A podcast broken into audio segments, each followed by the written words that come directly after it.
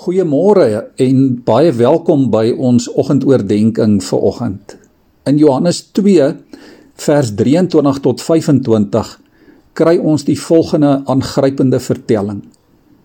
Terwyl Jesus vir die viering van die Paasfees in Jerusalem was, het daar baie mense tot geloof in hom gekom toe hulle die wondertekens sien wat hy gedoen het.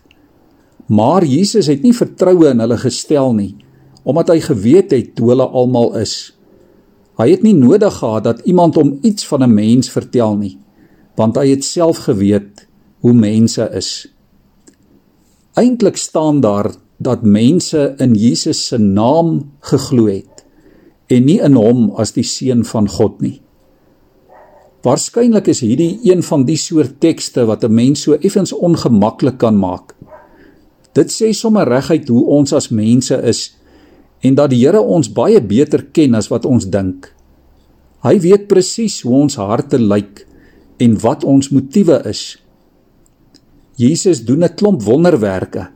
Hy beïndruk so baie mense dat hulle net daar en dan begin om hom te volg. Jesus het 'n soort geloof in hulle wakker gemaak.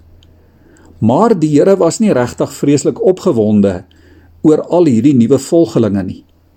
Ons lees Hy het hom nie op hulle verlaat nie. Hy het nie hulle geloof vertrou nie. Een van die Engelse vertalings gebruik die woord commit of entrust. Hy het hulle nie vertrou nie. Hom nie tot hulle verbind nie. Hy het geweet hoe mense is en waarskynlik het hy geweet dat hulle met verloop van tyd hulle geloof sou verloor. Dat hulle geloofsvlammetjies maar baie flou geskyn het. Liewe vriende, dit kan so maklik gebeur dat 'n mens jouself vir die Here gee of besluit om iewers in jou lewe weer 'n kommitment te maak. Dalk gebeur dit in 'n erediens. Dalk gebeur dit by 'n kamp of by 'n manne saamtrek of iewers in die veld of waar jy na 'n boodskap of na 'n mooi lied luister.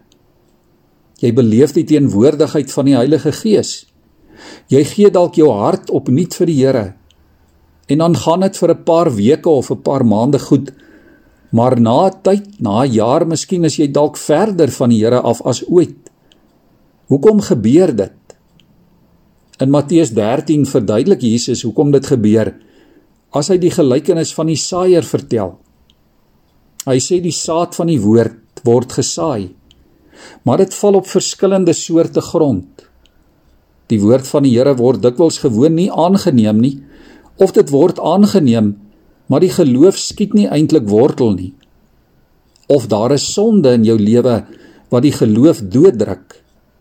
Die saad wat op die goeie grond val, lewer 'n honderdvoudige oes.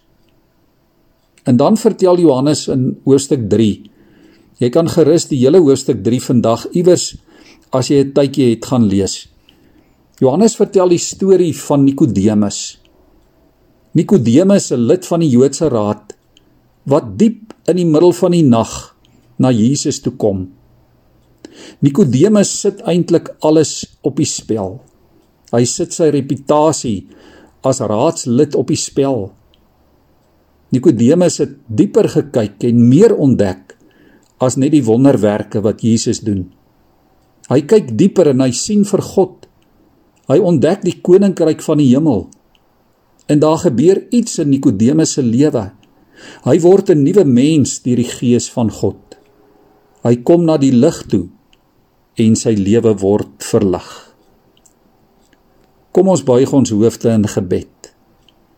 Here, kom verlig ons vandag deur u gees sodat ons u kan sien en kan ken as die een wat ons so liefgehad het dat u u seun gestuur het sodat elkeen wat in hom glo nie verlore sal gaan nie maar die ewige lewe sal hê. Here vergewe ons klein geloof. Geef vir ons ware geloof, geloof wat verder kyk en verder sien. Here laat ons nie vandag in die aardse dinge vaskyk nie. Kom wys vir ons die hemelse dinge. Amen.